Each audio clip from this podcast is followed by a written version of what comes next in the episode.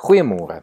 Ek lees vanoggend vir ons 'n verhaal uit Jaco Strydom se boek Confessions oor Kerkwees voor.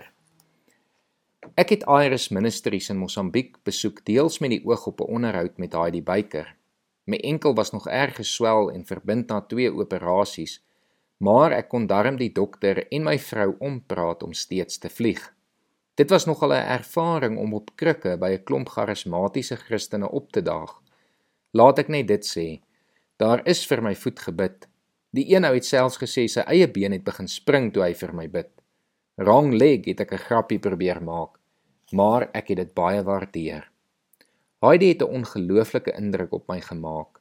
Sy is een van die mees fascinerende mense wat ek nog ooit raak geloop het. My onderhoud met haar het onder andere gegaan oor Moeder Teresa se invloed op haar lewe. Ek het in haar boeke gelees en nou self gehoor hoe dikwels sy moeder Teresa aanhaal. Our theology is actually the same, was Heidi se eerste reaksie toe ek haar hieroor begin uitvra.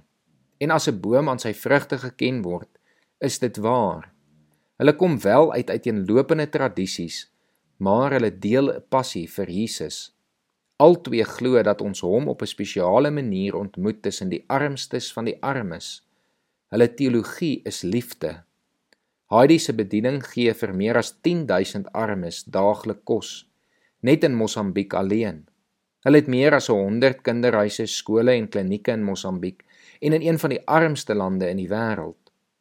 Heidi, self ook 'n klein vroutkie, sê hele bestaan net soos Moeder Teresa se word gekenmerk deur liefde en eenvoud. As jy haar sien, het sy 'n kind op die arm of sit sy kruisbeen tussen 'n klomp Mosambiekse vroue en gesels. Die hele village of joy wemel van haar kinders. Hulle noem haar Mama Aida. Baie van die kinders wat sy jare gelede in haar huis ingeneem het, is vandag leiers op die basis. Sy het haar filosofie van stop for one met my gedeel. Sy glo elke persoon in nood is belangrik genoeg om voor te stop. Martha, 'n Switserse meisie, 'n tipe persoonlike assistent wat soos 'n engel lyk, wat saam met Heidi beweeg het my vertel hoe Heidi al meer as een keer 'n vliegtyg verpas het because she stopped for one. Heidi en haar man Roland het albei 'n doktorsgraad in sistematiese teologie aan 'n sekulêre universiteit in Engeland behaal. But I'm not a theologian, I'm a mystic, sê sy toe ek haar hieroor uitvra. Heidi het haar eie manier van dinge doen. Sy sal byvoorbeeld wanneer sy 'n lesing vir meer as 400 internasionale studente aanbied, vir 'n ruk lank plat op die vloer gaan lê of sommer net begin bid, of met die mikrofoon tussen studente of gemeentelede gaan sit terwyl sy preek. Soms sal sy 'n hele lesing aanbied op haar knieë. Een van die eienskappe van mistisie is dat hulle geen onderskeid maak tussen geestelike en nie geestelike dinge nie.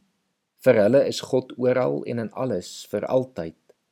Heidi is altyd op die een of ander manier in the spiritual zone.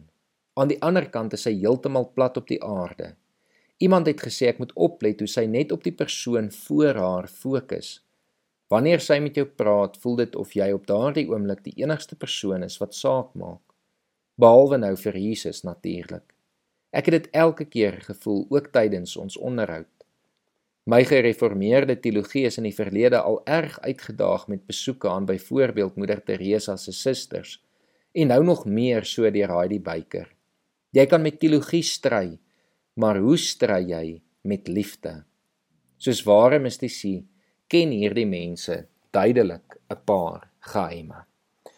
Mag jy vanoggend ook daarop fokus om vir een persoon te kan stop om oop te wees om daar waar jy een mens in nood sien, jou program so bietjie aan te pas om vir hulle spasie en tyd te maak om by hulle betrokke te raak, vir hulle lief te wees en vir hulle om te gee. Kom ons bid saam. Here, dankie vir hierdie kosbare verhaal wat in soveel eenvoud vir ons tog 'n waardevolle les leer, Here. Dat ons moet stop vir die een persoon wat ons nodig het. Here, help ons vandag daarmee. Help ons om diensbaar teenoor nood rondom ons te reageer. Amen.